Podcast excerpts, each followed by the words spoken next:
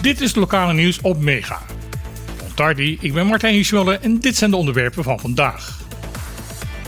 De beoogde partijen die na de val het bestuurscollege van UPB en NPB proberen een nieuw college te vormen, hebben daar flink het gas op staan.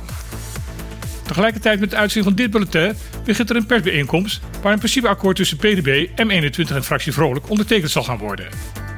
Daarmee geven de partijen gehoor aan de oproep van de staatssecretaris van Koninkrijksrelaties van Huffelen.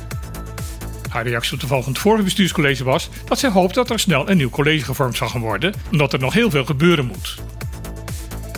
De eerste confrontatie tussen Van Huffelen en de nieuwe gezagsverhouding in de Eilandsraad kan al vandaag of een week gaan plaatsvinden. Dan is er namelijk een vergadering gepland van de Eilandsraad met Van Huffelen, minister Schout van Armoedbeleid en commissievoorzitter Glenn Todé over het instellen van een sociaal minimum op de BES-eilanden.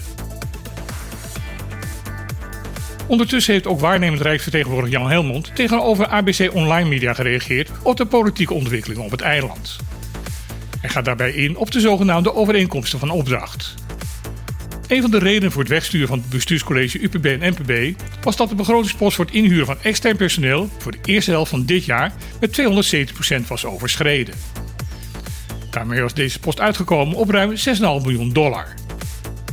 Van Helmond benadrukt in zijn reactie dat hij als Rijksvertegenwoordiger alleen kan toetsen op juridische en wettelijke gronden en geen oordeel mag geven over de beleidskeuzes van een bestuurscollege.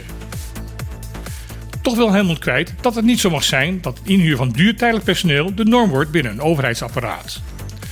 Het gebruik maken van extern personeel moet volgens hem alleen gebeuren om specifieke kortlopende opdrachten uit te voeren.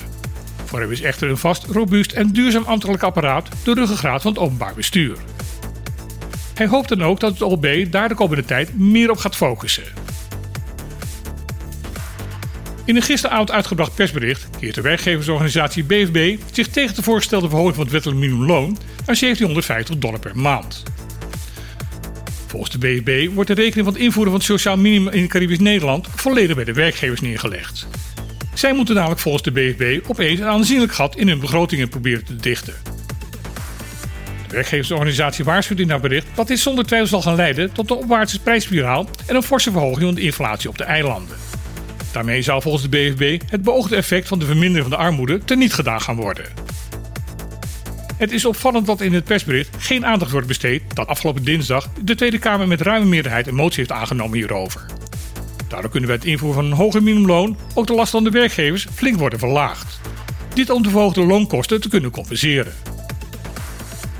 De komende week kunnen de werkgevers al met de verantwoordelijke bewindspersonen, Schouten en Van Huffelen, hierover in debat gaan.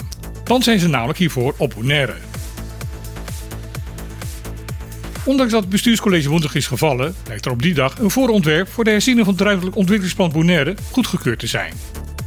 Uit de plannen blijkt dat er binnen het voormalig bestuur van Bonaire een voorkeur is voor hoogwaardetoerisme boven massatoerisme. Ook moeten andere economische sectoren meer gestimuleerd worden om minder afhankelijk te worden van toerisme op het eiland. Verder wordt er gesproken over een geïntegreerde infrastructuur op het eiland en de noodzaak voor het behoud van de Bonaireaanse natuur en cultuur. Het voorstel omvat ook plannen om de woningbouw verder uit te breiden en te verbeteren. Vanaf vandaag kunnen de plannen ingezien worden bij de balie aan de Kaai Amsterdam en online. Dit was weer het lokale nieuws op Mega. Morgen weer van 12 tot 2 op de clip op Mega FM. Gasten zullen de leden zijn van de partijen die het nieuwe bestuurscollege willen gaan vormen. En de splinternieuwe Bonaireaanse wereldkampioenen surfen. Ik wens iedereen een mooi weekend toe en heel graag tot morgen of tot maandag.